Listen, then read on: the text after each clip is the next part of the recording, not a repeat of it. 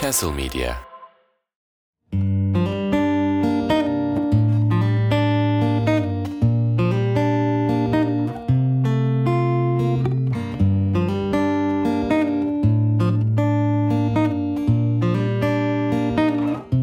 Selam herkese. Başka bir Hayat Var'ın yeni bir bölümüne hoş geldiniz. Bugünkü konuğum Erdem Topsakal. Erdem hoş geldin. Hoş bulduk Kaan, merhaba. Evet Erdem'i e, yani tanımayan birisine nereden anlatırız bilmiyorum. Herhalde YÖKŞ'ten başlamak daha doğru olur. Çünkü bizim arkadaşlığımızın başlangıcı da oradan oldu. E, tanıyan insanlar da birçok yerden tanıyor olabilir. Yazdığı yazılardan, e, bir takım videolardan çektiği hatta Gain'deki belgeselden e, tanıyor olabilirler. Ama biz e, 9 sene oluyor sanırım tanışıldı abi. 2014 değil mi? Sizin ilk Ankara Doğru. konseri. Doğru 2014 senesinden beri tanışıyoruz. Bir ne var ne yok etkinliği. Hatta Ankara'daki ilk etkinlikti. Doğru. E, zaman içinde biz e, yani arkadaşlığımız gerçekten ya benim açımdan çok derin ilerledi. Hani beni harekete geçiren, besleyen, kendi ürettiğim şeylerle ilgili hem danıştığım, hem fikir aldığım, hem tartıştığım, hem yazdığım şiirleri paylaştığım, öyküleri paylaştığım birisi oldu.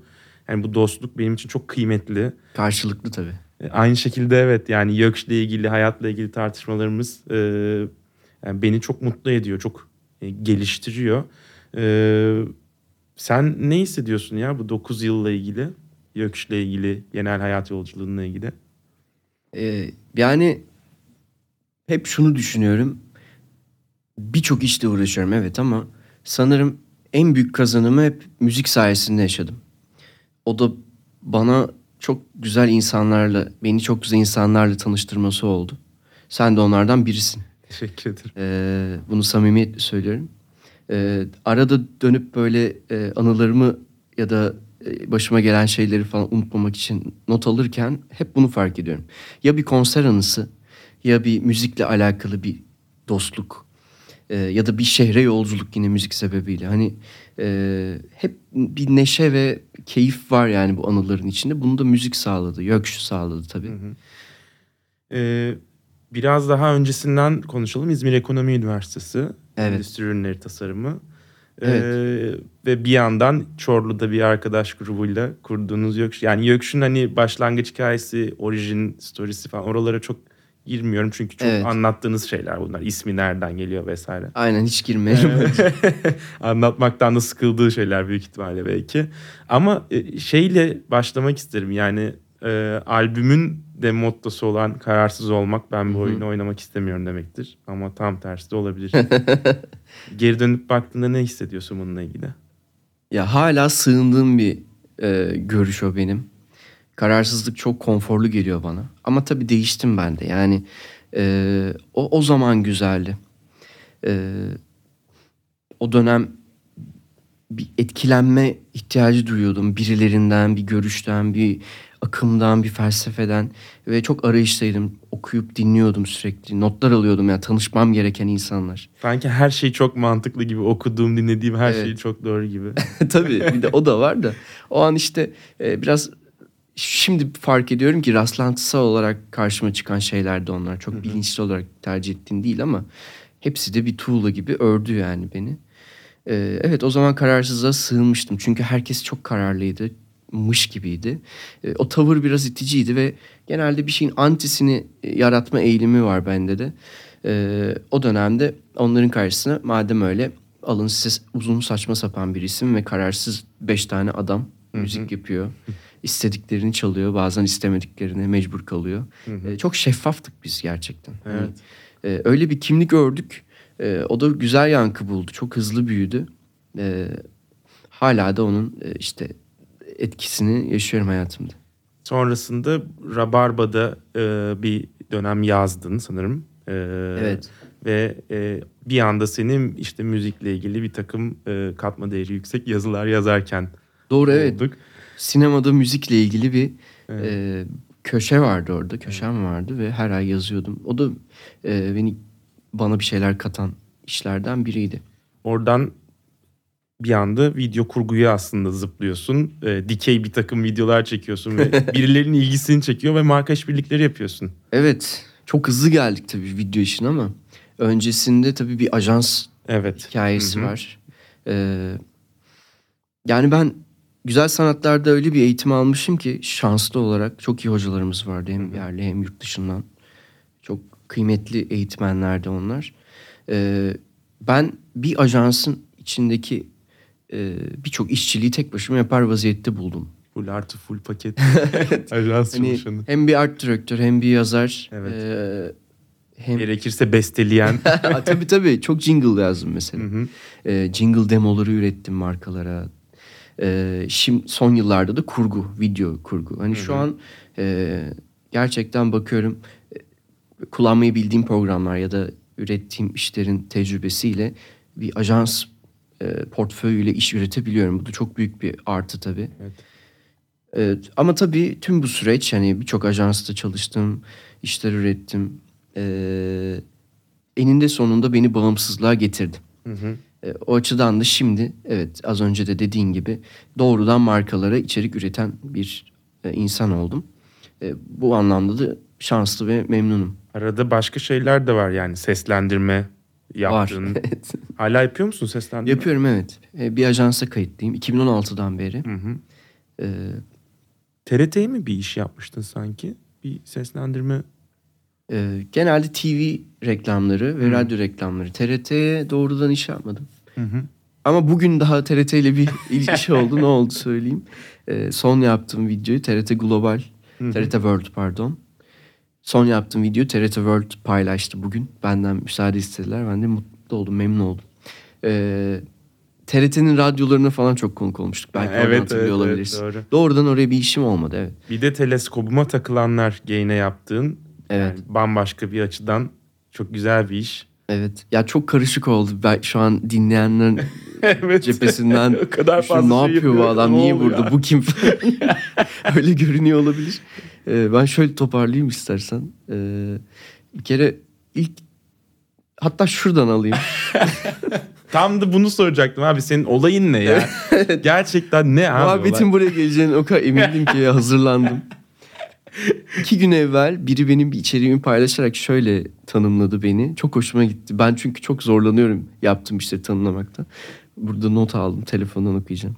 Şöyle diyor. Müzikal ve multidisipliner çalışmalarıyla tanınan Erdem Topsakal demiş tamam mı? Dedim oh be evet ya bu kadar kısa işte. Böyle tanımlamak çok hoşuma gitti birden. Evet ben gerçekten hani müzikal ve multidisipliner çalışmalar yapan bir insanım. Güzel tadım evet. Ee, o multidisiplinin parantezi çok karışık ve geniş tabii ama ee, işte seslendirme de onun bir parçası, reklam yazarlığı bir parçası. Son zamanlarda da e, video ve yönetmenlik diyebilirim. Ee, bu işin bir parçası. Az önceki soruna dönecek olursam da evet Gain için ürettiğim bir içerik oldu benim pandemide. Ee, aslında bu multidisiplinin altını dolduran ve bana özgüven veren Evet. de o oldu diyebilirim. Çünkü tam olarak full artı full her şeyi yaptığın bir iş Evet oldu. tek başıma altına girmemem gereken bir işe bir cesaret girdim. Çok da zorlandım aslında. Çünkü full time bir işim vardı. Pandemideydik, kapalıydık evde. Ee, bir yandan benim belli bir deadline'da bir, o programı üretmem gerekiyordu ve çekimlerini yapıyorum. Seslendirmesini yapıyorum, metinlerini yazıp e, kurgusunu yapıyorum. Bir müziğini de ben yapmayayım dedim. Bir arkadaşımdan rica ettim. Onur Nevşehir sağ olsun. Ee, çok iyi bir caz piyanistidir. O da programları izleyip doğaçlama o an ne hissediyorsa onları çaldı. Ee, o program ba- bana çok iyi geldi ya. Teleskop hikayesi, teleskoptan gözlem hikayesi aslında. Evde olan herkese iyi gelmiştir. Yani izlemiş ol. Ya bana da çok iyi geldi. Çünkü o dönem çıkamıyorduk evden. Evet. Yani. Evet. O dönem Kevser bana hediye olarak, o dönemden hemen önceydi bir teleskop almıştı. Müthiş bir fırsattı. Yani Galata'daki evimizden güzel de bir açımız var bizim. Hem boğazı görüyoruz hem şehrin büyük bir kısmına hakim. Oradan teleskopla dışarıda ne oluyor ne bitiyor'a bakmak çok muzip bir şeydi. Ee, oyundu benim için. Onu paylaşmaya başladım. Ondan sonra da Gain'den bana teklif olarak döndü ve oraya teleskopuma takılanlar adında bir sezonluk bir içerik hazırladım. Peki yani anladık bir ton şey yapıyorsun. Üretimin her alanında bence çok e, keyifli işler çıkarıyorsun. E, Teşekkür ederim. beni etkileyen bir yaratıcılığın var ama bunları çıkardığımızda geriye kalan şey yani kimsin sen bugünlerde ne olarak tanımlıyorsun kendine? Aslında ben biraz yaptığım işlerle var olan bir insanım. Çok çıplak kaldığımda e, çok içine dönük, çok sosyalliği sevmeyen, meraklı ve zor beğenen bir adam. Zor Bey'in eski adını Müşkül, Müşkül Pesent, Pesent onu çok seviyorum. ben de, evet. Benim de sevdiğim bir kelimedir. ben de çok seviyorum. E, ve be- beni tanımlamak için iyi bir kelime olduğunu düşünüyorum. Hı hı. Ee, yani çok çıplak kalıyorum özetle. Yaptığım işleri çıkarınca biraz savunmasız kalıyorum. Biraz e, ifadesiz kalıyorum diyeyim. Ee, o yüzden de sürekli yaratıcı işlerle kendimi anlatma çabam var belki de. Hı hı. Hani şarkılarla, e, reklam senaryolarıyla, kreatif fikirlerle Hı hı. e, bir şekilde hani elimde hangi alet edevat varsa, enstrüman varsa o an e, onunla bir, bir fikri ifade etmeye çalışıyorum aslında. E, hani bugüne kadar da çok e, askerlik hariç e, kendimi çok çıplak hissettiğim bir yer olmadı. Hı hı. Hep bir şekilde bu yaptığım işler onların kılıfıyla var olabildim. Kendini ifade Evet edelim. ifade edebildim. A- Karşılık bulabildi falan. Hı hı. O yüzden şanslıyım. Ee, ama askerlikte çok iyi geldi bana. Kısa dönem. Askerliği nerede zaten yaptın abi? Bilecik'te yapmıştım ben. Bilecik diye bir yer varmış gerçekten. Onu öğrenmiş oldum. Peki güzel bir giriş oldu ya. Ee, peki nasılsın bugünlerde? Ee, tabii Şubat ayı çöküşünden sonra yeni yeni baharla beraber iyileşiyorum ben de. Mental olarak, motivasyon olarak. O yüzden şu an mutluyum ve iyiyim diyebilirim. Ee, Ne yapıyorsun bu aralar? Ne alıyor vaktini en çok? Şu sıralar e, en son kardeşimle ürettiğiniz bir proje. Hı hı. e, bize bir sürü farklı proje olarak geri döndü. Onlarla uğraşıyoruz. E, kardeşim de motion designer. O da ajans dünyalarında çalışıyor. E, o hareketli tasarım alanında eli kuvvetli. Ben de fotoğraf ve grafik anlamda tecrübeliyim. Onu birleştirdik şimdi. Hı hı. E, Patterns of Istanbul diye bir seri yaptık biz. Hı hı. E, hareketli İstanbul desenleri diyeyim mimarideki. Hı hı. Bu inanılmaz bir etkileşim aldı. E, dünya çapında paylaşılıyor hala. iki aydır diyeyim. Susmuyor bildirimlerim. Kapattım hatta artık. Çok vaktim oluyor mesajlara geri dönmek. e, o talepleri karşılamak Biraz falan. anlatmak ister misin? Neyi içeriyor proje? İstanbul'un mimari yapılarını. Mimari yapılarındaki desenler. Desenleri. e, o desenleri hareket kazandırdık diyebilirim Hı hı. basitçe. E, İtalyalı bir tasarımcının ilk bir çalışması olmuştu. Ben onu Ocak ayında ilk yapmıştı. Takip ettiğim bir insandı zaten. Çok seviyordum işlerini.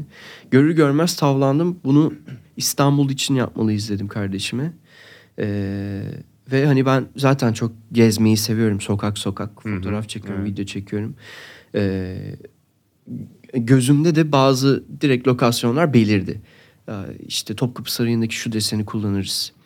İşte Şehzade Camii var, Mahmut Paşa Türbesi var üstünde paternler olan. Bunları birik- biriktirdim. Ee, o fotoğrafları editledim Photoshop'ta. Çok büyük bir amelelikti bu arada. Yani günlerimi aldı yani. hani sürekli biri ne yapıyorsun abi dediğinde abi işte Şehzade Camii'nin alınlığındaki paternleri dekoupe ediyorum arkasını dolduruyorum falan. Anlatamazsın ki hani. Ama büyük bir heyecanla yaptım. Sonra kardeşime teslim ettim. Onunla beraber hareket kazandırdık ve bu iyi bir müzik seçip onunla kurguladım falan filan. E, çok büyük bir geri dönüş aldı. Çok da mutlu oldum. E, dediğim gibi dünya çapında yayılınca da e, bize iş olarak geri dönmeye başladı bu. Ve ilk aslında çok mutlu oldum buna. İlk fark edip bize bizi toplantıya çağıran İBB oldu. Ya. İstanbul Büyükşehir Belediyesi'nin e, İBB Miras adında bir e, renove ekibi var. Böyle tarihi eserleri restore ediyorlar. E, yeniden hayata kazandırıyorlar. Ben de çok severek takip ediyorum yaptıkları projeleri. Onlarla görüştük. Şimdi onlarla birlikte ortak bir proje yapıyoruz. Yine çok büyük bir iki markadan e, işbirliği teklifi geldi. Onlarla görüşmelerimiz sürüyor falan. Hani böyle bir e, şehirden çıkan bir e, dijital bir sanat ürünü şimdi projelere dönüşüyor. Bize geri dönmeye başladı. Zaten İstanbul'u çok seven bir insansın. Evet İstanbul'u- çok seviyorum. Yani her şeye rağmen çok seviyorum. Peki yani e, güzel abi. Ya şu Gökş konusunu biraz masaya yatıralım istiyorum. Gökş biliyorsun benim Tabii. göz bebeğim. Çok seviyorum yani. Çok sevdim her zaman. Evet. Ve aslında benim Quidditch'e başladığım zaman da Gökş'ün çıkışı böyle benzer zamanlar ve e, böyle hani hızlı popülerleşme e, ve insanlar arasında kabul görme arasında benzer şeyler görüyordum aslında Gökş'le benim yaptığım iş arasında tamamen bağımsız. Hani seninle arkadaşlığımızın ilerlemesiyle de bağdaştırıyordum ama Evet. ee, ben Deniz Tekin'le yaptığımız bölümde de söyledim. Aslında bu üçüncü yeni akımının hani böyle bir anda hızlı patlayan öncülerinden birisi gibi olacaktı. Evet. Yok öyle kararlı şeyler. Yani çünkü oradaki temel şeylerden birisi e, diğer e, üyeleri gibi bu akımın gündelik dilini çok güzel, yalın, keyifli bir şekilde kullanılmasıydı. Yani bir kere nefret söylemiyle zaten patladınız. Evet. Ülkenin inanılmaz ihtiyacı olan Gezi'den hemen sonra Doğru evet. e, müthiş bir şarkıydı. Ki zaten ilk albüm evde kaydettiniz değil mi Yöküş'ü ilkini? Ee, evet ilki Hı hı, ilk full Yöküş. evde. Hı hı. Ee, ikincisi babacım stüdyolarında. Üçüncüsü Sony herhalde. Üçüncüsü Sony Müzik'le beraber farklı bir stüdyoda. İlk Yöküş'te en işte nefret söylemi Armut, Keyif Düğünü ve tabii e, bence senin favorindir herhalde tişört evet, ilk şarkı. Evet. Tişört Ee, yakışmayan. Üstüne bir de gidiyorsunuz Türkiye'nin ilk şarkı sergisini yapıyorsunuz. Doğru evet. Hiç Öyle girişimlerimiz oldu. e, her şarkıyı bir illüstratör görselleştiriyor ve e, evet. güzel bir deneyim sunuyorsunuz. İki albüme de yaptık onu çok da Hı hı. güzel oldu. Evet. gerçekten. ikinci albüme de yapıyorsunuz. İkinci albüme bir de Akın Eldes'i Harun Tekin'i alıyorsunuz. Çok anlaşılması da Harun Tekin. Olsun biz anladık. Ee, orada da inanılmaz güzel şarkılar var. Sherlock, Domates, e, Dokun Yere. Hani Hmm. gerçekten güzel. Aradığı YouTube'a güzel denemeler çıkıyor. Mesela evden uzaktaya yaptığınız video Hmm. bence çok keyifli. Ağustos Akustik gökleri işler. vardı mesela. Evet. Sadece YouTube'da var. abi. Aynen Ağustos Gökleri, Ah Luna Park, Evet doğru. Bahadır Cüneyt Yalçın'ın Evet. şiirine yaptınız. Yani güzel şeyler deniyorsunuz. Ee, ve bunu da iyi yapıyorsunuz. Ama sonra çıkan üçüncü albüm beklenen Evet. biraz bekleneni veremiyor gibi bir Evet durum var değil öyle. mi? Yani e, aslında orada da güzel şarkılar var. Yani ben niye Var. şanssızım tam zamanı böyle Yolların sonundayım var. özü evet Kalabalıklar olursa olur. var. Yani bunlar Evet. güzel şarkılar, e, Evet. keyifli şarkılar fakat aranjmanla ilgili bir durum mu? Yani o, çünkü sonrasında gelen single'lar ve EP de biraz daha e, etkisi az oluyor. Yani Evet öyle oldu. ne oldu abi orada? ne oldu Gökşe abi? Ya e, biraz ekip değişti. Biraz benim e, metotlarım değişti şarkı yazımındaki. Denedik aslında. Hı hı. E, ya o dönemden kısa sonra hani beklentiyi karşılamayınca tabii ki biraz motivasyonumuz kayboldu. Ama şu an hani iyi ki de denedim diyorum. Hani Hı hı. barıştım ben o albümlerle, o şarkılarla. Biraz küstürmüştü beni. Geri dönüşün, Evet, ilgin az olması. O dönem seninle de hani konuşuyorduk. Evet. Yani neden böyle olduğunu tartışıyorduk. Ee, Biraz evet yani şeyden sonra beklenen albümünden sonra biraz kırgın gibiydin. Evet biraz tutkumu yitirdim diyebilirim. E, ekibin e, temel üyeleri biraz hani kariyer planları değişti, şehirleri değişti. Bu vesileyle grubu bırakmak zorunda kaldılar. Ee, yeni üyeler eklendi. Yani e, bir kimyası değişti grubun. Bir de hani bizimle beraber yola çıkan insanlar, diğer gruplar çok ciddileştiler. Ciddi kitlelere, ciddi ekonomik büyümelere e, ulaştılar. E, biz de hala o eğlenen e, çekirdek ekip olarak kaldık biraz orada. Yalnızlaştık yani. Hı hı. E, bir de en büyük sana tutkumu yitirme sebebini söyleyeyim mi? Hı hı. Bunu konuşmamıştık ama yeni yeni fark ediyorum ben de. Toplum çok arabeskleşti abi. Müzik de çok arabeskleşti mesela. Ee, yani özellikle 2019-2020'den sonraki Spotify verilerine baktım. Hı hı. Oksijen'de böyle bir şey vardı. Geçenlerde makale vardı, araştırma. Evet dedim hani e, başıma gelen şeyi biraz daha anlamlandırdı o analiz. İlginç. Ee, şu an Z kuşağının yüzde ellisi e, arabesk müzik tüketicisi Hı.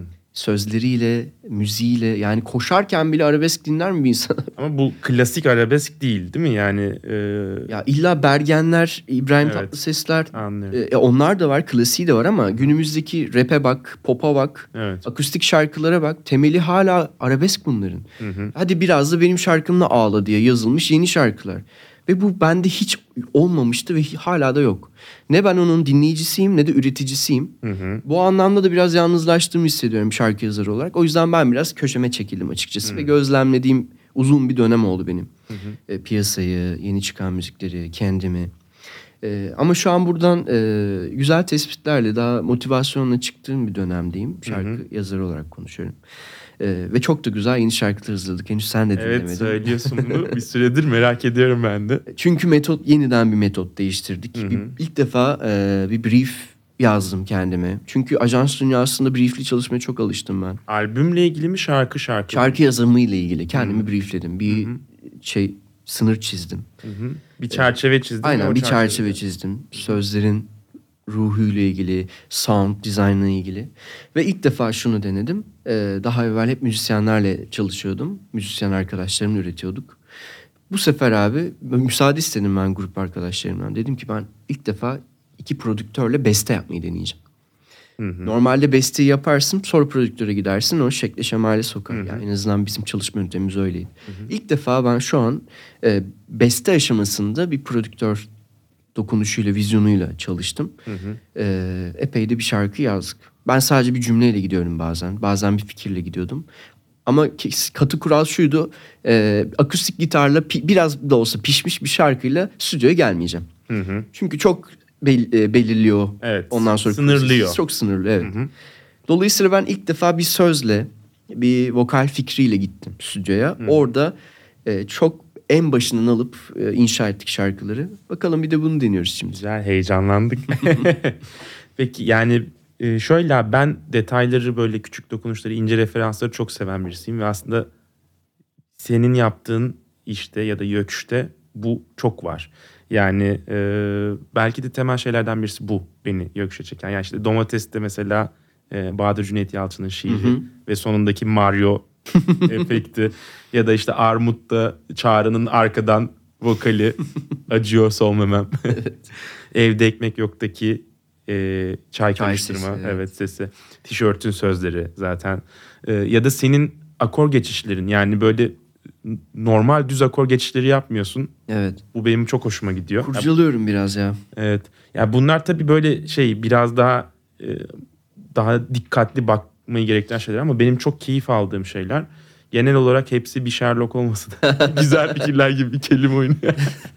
Valla çok memnun oluyorum bunları anlaşılmasına. Ee, niyeyse ben de o dönem yani 20'lerimde yazdığım şarkılar saydığın hepsi. Erken e, dönemim benim şarkı denemelerim. Yani hep klişeden kaçan adam olmuşum ben. Biraz kızıyorum o açıdan kendime. Farklılaşma çabası Evet, evet. Kendimi biraz- hep ana akımdan, popüler olandan hep anti üretmeye ittirmişim. Şu an mesela ben niye öyle yaptım sorguluyorum ve biraz da kızıyorum kendime. Çünkü bana kalırsa önce klişe olanı yapmak lazım. Sonra unikleşmek lazım. Hı. yapmayı öğrenmek gibi bir yerden mi yoksa Ee, nasıl diyeyim? Şeyden korkmamak lazım. Yani başkalarına benzemekten ya da popüler olanı üretmekten endişe etmemek lazım. Çünkü senin önce onu öğreniyor olman, onu yapıyor olman lazım ki sonra kendin gibi ol, sonra biricikleş. Ama ben hemen elime gitar alır almaz hayır işte o üç akoru kullanmayacağım, yok şu sözü kullanmayacağım, onu yazmayacağım, etmeyeceğim falan. Ee, çok ön yargıyla yaklaşmışım. Öyle olunca da daha marjinal bir yere konumlandı benim şarkılarım doğal olarak. Tabii ki bu da o kararsızlığın işte az önce Getirdiği konuştuğumuz gibi şey. getirdiği bir şeydi. Evet bizim bir limanımız da o belki. Bizim de karakter inşamız da o vardı belki ama e, bugün yeniden o döneme dönme şansım olsaydı benim daha korkusuzca daha klişe şarkılar da yapardım. Hı hı. Peki e, yani getirmek istediğim yere getirdin aslında. Farklı şeylerden beslenmeye çalışıyorsun günün sonunda. Farklı şeyler üretmek istediğin için. En azından Evet. eskiden öyleydi. Bu aralar ne tüketiyorsun, ne dinliyorsun, izlediğin, okuduğun şeyler neler? Bunu soracağım bildiğim için not almıştım. Hazırlıklı gelmiş. Ee, ya hala popüler kültürün çok büyük tüketicisi değilim açıkçası. Çünkü o tüketim odaklı. Yani bilerek seçtim tüketim kelimesini. Tüketicisi değilim derken ben beslenmeyi tercih ediyorum. O yüzden de evet yeniyi takip ediyorum ama son dönemlerde biraz eskiye yine döndüm diyebilirim. Şeyi fark ettim. ee, ben ortaokulda klasik gitar eğitimi almıştım. İlk müziğe o şekilde başladım ve ee, o dönem çaldığım İspanyol bir gitarist vardı işte Tarrega adında. Ee, Francisco Tarrega adı. Ee, ben onun iki eserini öğrenmişim. Adama bir daha geri dönmemişim. Ve geçenlerde fark ettim. Bende çok büyük iz bırakmış. Aslında müzikal kimliğimi de inşa eden bir e, gitaristmiş o benim. Ben bunu yıllar sonra fark ettim ve tekrar döndüm. Şu an Tarrega'nın klasik gitar müziklerini dinliyorum. İlginç. Nasıl etkilemiş senin müzikal kimliğini? Melankoliyi melodiye gizleme, tekniği işte unik bir şekilde kullanma. Hı hı. Herkesin basmadığı ya bastığı yerlere basmama az önce Hı hı, konuştuğumuz evet. gibi. Onu adam enstrümanist olarak sadece gitarıyla vermiş ve bir şarkının içine, bir melodinin içine bunları gömebilmiş. O açıdan e, aynı hisler hala uyanıyor yıllar sonra dinlediğimde de ve gitara bakış açım, e, akorları kullanma biçimim, melodiyi çalma biçimim. e, de onun yeniden izlerini keşfettim. Düşün bak 10 yıl sonra 15 yıl sonra o dönem bana iyi gelen şeyi yeni fark ediyorum, anlamlandırıyorum diyeyim. Ya. Bu adamı nereden tanırsın? Nokia'nın klasik melodisi vardır ya. Dırı dırı dırı Hı hı, dırı dırı dırı. Bu aslında Tarrega'nın bir eserinin parçasıdır. Öyle mi? Çok hepimizi etkilemiş o zaman. Hepimizi etkiledi. Ee, bir de yine geçmişe dair ben yine Galata'da yaşamaktan mütevellit e, eski haritaları çok merak salmışım. Evet, biliyorum. fotoğrafları çok seviyorum. Apartmanları çok araştırıyorum falan. Ee, hayran olduğum bir haritacı var. Pervitiç adında.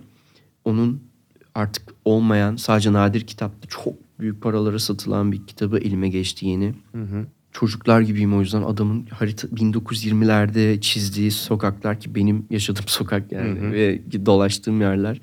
O haritalarda geziyorum Hı hı. gözümle. Hatta işte dostlarımın yaşadıkları yerleri falan fotoğrafını çekiyorum. Bakın sizin apartman 100 yıl önce şöyleymiş böyleymiş falan. Ee, biraz aslında soruna cevap şöyle diyebilirim. Yeni önerim yok. Bende biraz geçmişe dönüş var. Biraz sakinleştiriyor beni çünkü. Hı hı. Hani sürekli yeni çıkan diziyi izleyeyim, yeni çıkan albümleri dinleyeyim. Şeyi biraz telaşlı bir durum ya. Hı hı. Güncel kalma kaygısı. Aynen biraz. güncel kan. Abi şunu izledim mi? Abi şunu gördüm? Evet. falan. Sürekli hani buna yetişme bir telaşımız oluyor. Hı hı. Ee, eski işlere bakmak sakinleştiriyor. Çünkü kimsenin gözü şu an orada değil ya biliyorum. Kimse Pervitiç haritasında Galata sokaklarında dolaşmıyor. Ben yapayalnızım orada. Onu biliyorum ya. Çok sakinleştiriyor beni.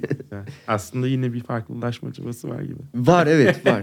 Ee, ben bunu sadece üretimlerimde e, uygulamamayı tercih ediyorum artık. E, çünkü çok marjinal bir şey üretmek seni yine yalnızlaştırıyor. Yine yorucu bir tecrübe. Evet. E, ama tabii beslendiğim yerlerde tabii yine unikleşiyorum. E, az dinlenen, az okunan, dip köşede kalmış şeyleri çok seviyorum. Evet tutkulu bir insansın. Yani yaptığın şeyleri gerçekten benimseyerek, sahiplenerek yaptığını hissettiriyorsun. Hem anlatırken hem de zaten çıkan ürüne bakıldığında da bence bu aşağı yukarı hissediliyor. Ne Ve mutlu. e, sen kendin de söyledin zaten üretimin birçok alanında birçok iş yaptın. Dolayısıyla kendini farklı şekillerde ifade ediyorsun. Ama bu ifade ediş biçiminin altında seni harekete geçiren bir şey olduğunu düşünüyorum. Bu zaten e, aslında iki soru soruyoruz biliyorsun Hı hı. seride ve başlangıç noktası burası oluyor genelde. E, seni harekete geçiren, senin tutku olarak tanımlayabileceğin daha derinde olan şey ne? Senin için arzu olan şey ne sence? E, önceki bölümlerini dinlediğim için bunu bir hazır cevabım var. Hı hı, Çünkü ben de sormamışım kendime bu soruyu açıkçası. Hı hı, O açıdan memnun oldum hani buraya davet ettiğin için beni. Şuna vardım bu soruyu kendime çok yalnız kalınca sorduğumda. İnsanları şaşırtmak e, ve merak duygusu benim tutkumu oluşturuyor sanırım. hı hı. Önce merak ediyorum bir şeyi. Sonra bunu aa bunu sevdiklerimle paylaşsam çok Hmm. sevinirler, çok şaşırırlar diyorum. Öğreniyorum onu yapmayı. Ve iyi öğreniyorsun ve Uğraşıyorum evet. Evet. Yani Benim söyleyebileceğim bir şey söyledim biliyor musun? öyle mi? Ben de kendime bu soruları soruyorum ve hala cevap arıyorum ve güzel bir tanım yapıyorsun şu anda. İyi sevindim paralel düşünmemize. Hı hı.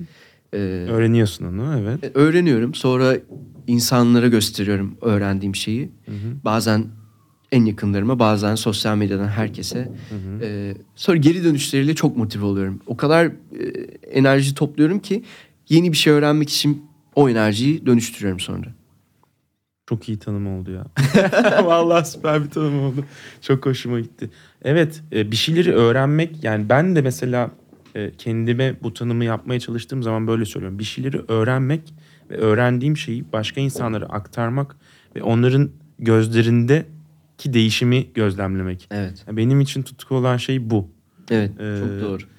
Ve hani güzel bağdaştı. Evet güzel bir tanım oldu. Peki. Ee, ya sen iyi bir gerçek bir üreticisin. Yani müziği geçtim. Şarkı sergisi gibi işte teleskop belgesi gibi işler yapmışsın ve hani olayları başka bir perspektiften bakabiliyorsun. Ee, artık Netflix'le çalışıyorsun şu anda. Hani e- evrensel, kalıcı olabilen evergreen işler yapabiliyorsun. E, eşin Kevser de uluslararası e, çalışabilecek bir konumda. Zaten Evet. yurt dışına gidip geliyor işi için. Evet doğru. Ee, yani belki de başka bir ülkeye gitseniz orada daha rahat yaşarsınız. Özgürce yapmak istediğiniz şeyi belki de çok daha iyi imkanlarla karşılığını çok daha iyi alarak yapabilirsiniz. Üretebilirsiniz. Ee, daha keyifli yaşayabilirsiniz. Yine de tutup Galata'daki o minik dairede kalıyorsunuz. evet.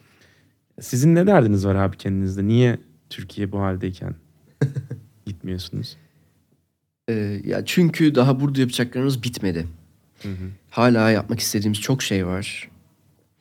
Ee, bir de ne yalan söyleyeyim biraz şanslıyız. Şu açıdan şanslıyız diyorum. Henüz gidecek kadar, gitme kararı alacak kadar başımıza büyük bir trajedi de gelmedi açıkçası. Evet ülke çok kötü. Ee, belki yönetimden rahatsızız ama e, kültürünü de çok seviyoruz mesela.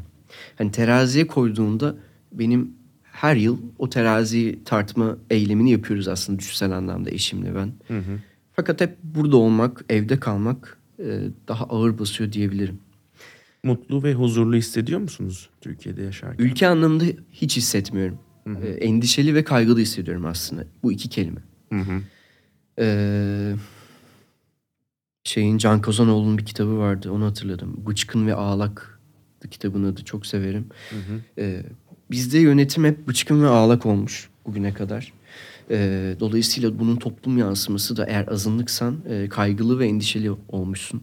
Evet belki ben e, hayat tercihimle endişeli ve kaygılı bir hatta duygusal romantik bir e, siyasi kesime aitim bu ülkede tercihlerim ve görüşüm dolayısıyla. Ama bir yandan da çok şanslı bir azınlığın içinde görüyorum kendimi. Neden? Çünkü ben bileyim, özel sektörde olmayıp ya da bir sanat dalıyla uğraşmayıp kamuda da çalışabilirdim. Hı hı. Evet. Ne bileyim e, hani şans eseri doğduğum aile Sünni değil Alevi olabilirdi. Evet. Biraz daha doğuda doğsaydım, ülkenin doğusunda doğsaydım bambaşka bir Türkiye tecrübe ediyor olacaktım gibi gibi. E, bir kere doğuştan e, görece bana ülke çok beni tokatlamadı diyebilirim. Hı hı. Kendini Ee, görece şanslıyız. Görece şanslı hissediyorum. Bunun üstüne bir de kendini ifade edebilecek Tabii. bir alan yaratabildin. Tabii kendine. tercihler ve bilinçli olarak da ben kendimi oraya e, doğru e. Ajansı da yaşadın hani e, sabah 9 akşam 6'yı da yaşadın. Evet. E, yani o döngüden çıkmak için aslında Evet. e, Gökş'le ilgili yani ilk istifa kararını aldığında büyük bir karar Evet. aldın. Evet. Ben neyi yapmamam gerektiğini, nerede mutsuz olduğumu deneyerek gördüm aslında. O yüzden şu an yeni yeni 30'larımın ortasına geldikçe e, kendi konfor alanımı yaratabiliyorum. Ve ben hangi yöne gitmemem gerektiğini biliyorum. Ne iş yapmamam gerektiğini biliyorum. Nasıl insanlarla ilişki kurmamam gerektiğini öğrendim. E, gibi gibi e, şu an hani potansiyel olarak hayatımın görece ortalarına yaklaşıyorum.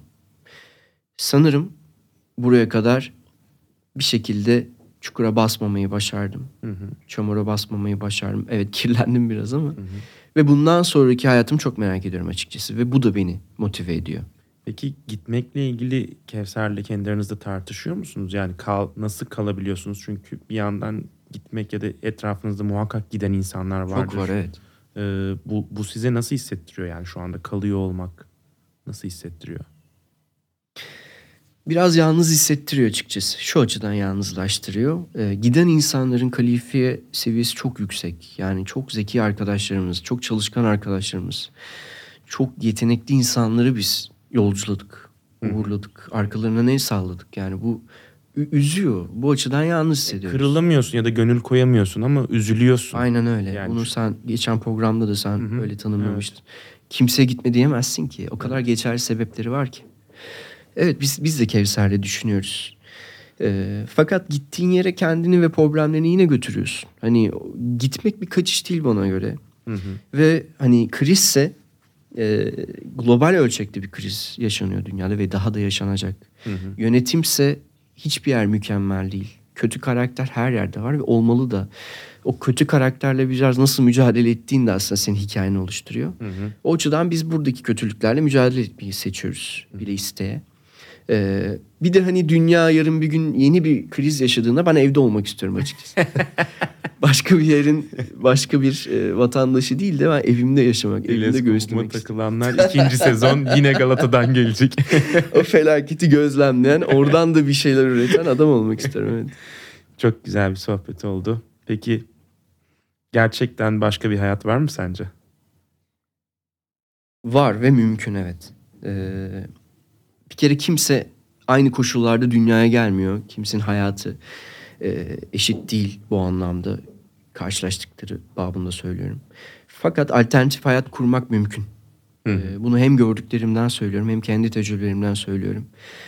O yüzden de başka bir hayat yaratabilirsin kendine. Beğenmiyorsan, memnun değilsen e, kendini çok yargılamadan Hı hı. yarın nasıl bir hayat yaşarımı kurgulayarak adım adım onu hayata geçirebilirsin. İlk adımı ne olurdu bunun senden bir tavsiye gelecek olsaydı? İlk adımı ne olurdu? Bugün önünde ne iş varsa onu yapmak olurdu. Bu konuyla ilgili, bu yolla ilgili.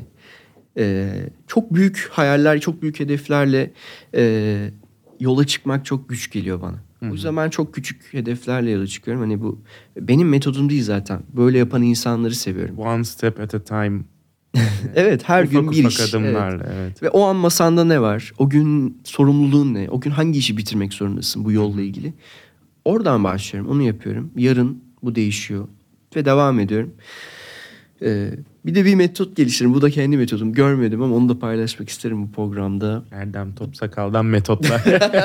evet. Estağfurullah. Kimseye istikamet çizmek istemem. Yanlış anlaşılmasın. Bu bende çalıştı. Sende veya başkasına çalışmayabilir. Hı hı. Ama e, geçen yıl 33 yaşıma girdiğimde aldığım bir karardı. Oturdum kendime sözleşme yazdım. Hı. E, hatta bunu da tutarlı olsun diye herkese paylaştım ben Instagram'da 33 yaş doğum günümde altında küçük bir o sözleşmenin maddeleri var. İsteyen bakabilir. Şimdi 34 yaşıma yaklaşıyorum ve e, bu kararın ne kadar iyi geldiğini anlatacağım. Hı hı. Ee, biraz 33 sayısının e, abukluğundan birazcık e, yeterince önemli bir yaş olmamasından kaynaklı. Hani 30'a ya da 40'a devirmek gibi bir ciddiyeti yok. 35 gibi yolun yarısı değil bu. Dedim ki ya ben bu bir seneyi gelecek benlerden ödünç alıyorum. Ve bu sene kendimle hiçbir şey bekle, beklemiyorum. Bir beklenti koymayacağım kendime. Bir hedef, işte para kazanma hırsı, kariyer hedefi, e, satın alma planları yapmayacağım. Ve kendime bu yaşla ilgili asla ve asla bir kızgınlık, bir öfke, e, bir beklenti içerisine sokmayacağım. Hani arındırılmış bir yıl olacak bu benim için dedim. E, ve yaşadığım en iyi, en rahat yılı diyebilirim gerçekten. Kendime o yaptığım sözleşme sayesinde ben başıma gelen şeyleri hep dedim ki atıyorum paramı kaybettim. Ah dedim tam 35'teki yerden bunu ödeyecek. Ee, ya da yapmak istediğim bir şarkıya ulaşamadım. Sorun değil. Seneki ben bunu besteler elbet. Ee, kendime bu rahatlığa eriştim ya. Ee, o kadar kaygısız ve o kadar e, keyifli bir yıl oldu ki Kaan. Ve e, hiç hede- hesapta olmayan birçok projede Evet, gerçekleşti. en üretken yıllarından en birini üretken geçirdin. yıllarımdan birini gerçekleşti. Çünkü onu üretmeyi planlamadım. Hı hı. Onu yazmayı e, düşünmedim bile. E, o rahatlık içerisindeyken yaptığım üretimler, çalıştığım işler çok daha başarılı oldu. E, ve aynısını şimdi 34 yaşım içinde yapmayı düşünüyorum. Bundan sonra bütün hayatı öyle yaşıyor. Her sene. Evet. Ama tekrar söylüyorum e, bu e, kimse e, öneremem, tavsiye edemem. Bence herkes kendini Biraz da Yani şeyle çizmeli. alakası var gibi hissettim. Yani e, müşkül pesent olan insanların kendine yüklenme dozu yüksek bence. Ve belki de sen bunu yaparak biraz kendi üstündeki baskıdan kurtulup yani kendini aynen öyle. e, kapattığın alandan kurtulup Aynen öyle. yani ke- ama bunu yapabiliyor olmak da aslında kendi kişiliğinle ilgili bir kırma noktasıdır bence. O yüzden güzel bir adım olmuş. çok güzel bir program oldu. Çok müthiş bir insansın. Seni gerçekten çok Abi seviyorum. teşekkür ederim. Çok teşekkür ederim geldiğin için. Ne demek? Her zaman. Var mı son olarak söylemek istediğin bir şey? Valla ben de çok memnun oldum böyle bir konsepti başlıyor olmana. Ee, zaten konuşuyorduk bu süreçte. İkimiz evet. de denemeler yapmayı seviyoruz. Hani fikirler üretiyoruz. Bazılarını hayata geçiriyoruz. Bazılarını adası bırakıyoruz. Hı hı. Ee, ben sana çok yakıştırdım bir podcast serisini. E, çünkü iyi düşünen, e, iyi insanlar biriktiren bir insan olduğunu Teşekkür düşünüyorum. Teşekkür ederim. Biraz da ben öveyim program bitmeden seni. e, o yüzden teşekkür ederim bu konsepte layık görüp çağırdığın için. Bence de sohbet etmek iyi geldi bana da. Peki beyaz erkekler birbirini övüyor bölümünün sonuna geldik. Teşekkürler Erdem. Başka bir hayat varın gelecek bölümünde görüşmek üzere.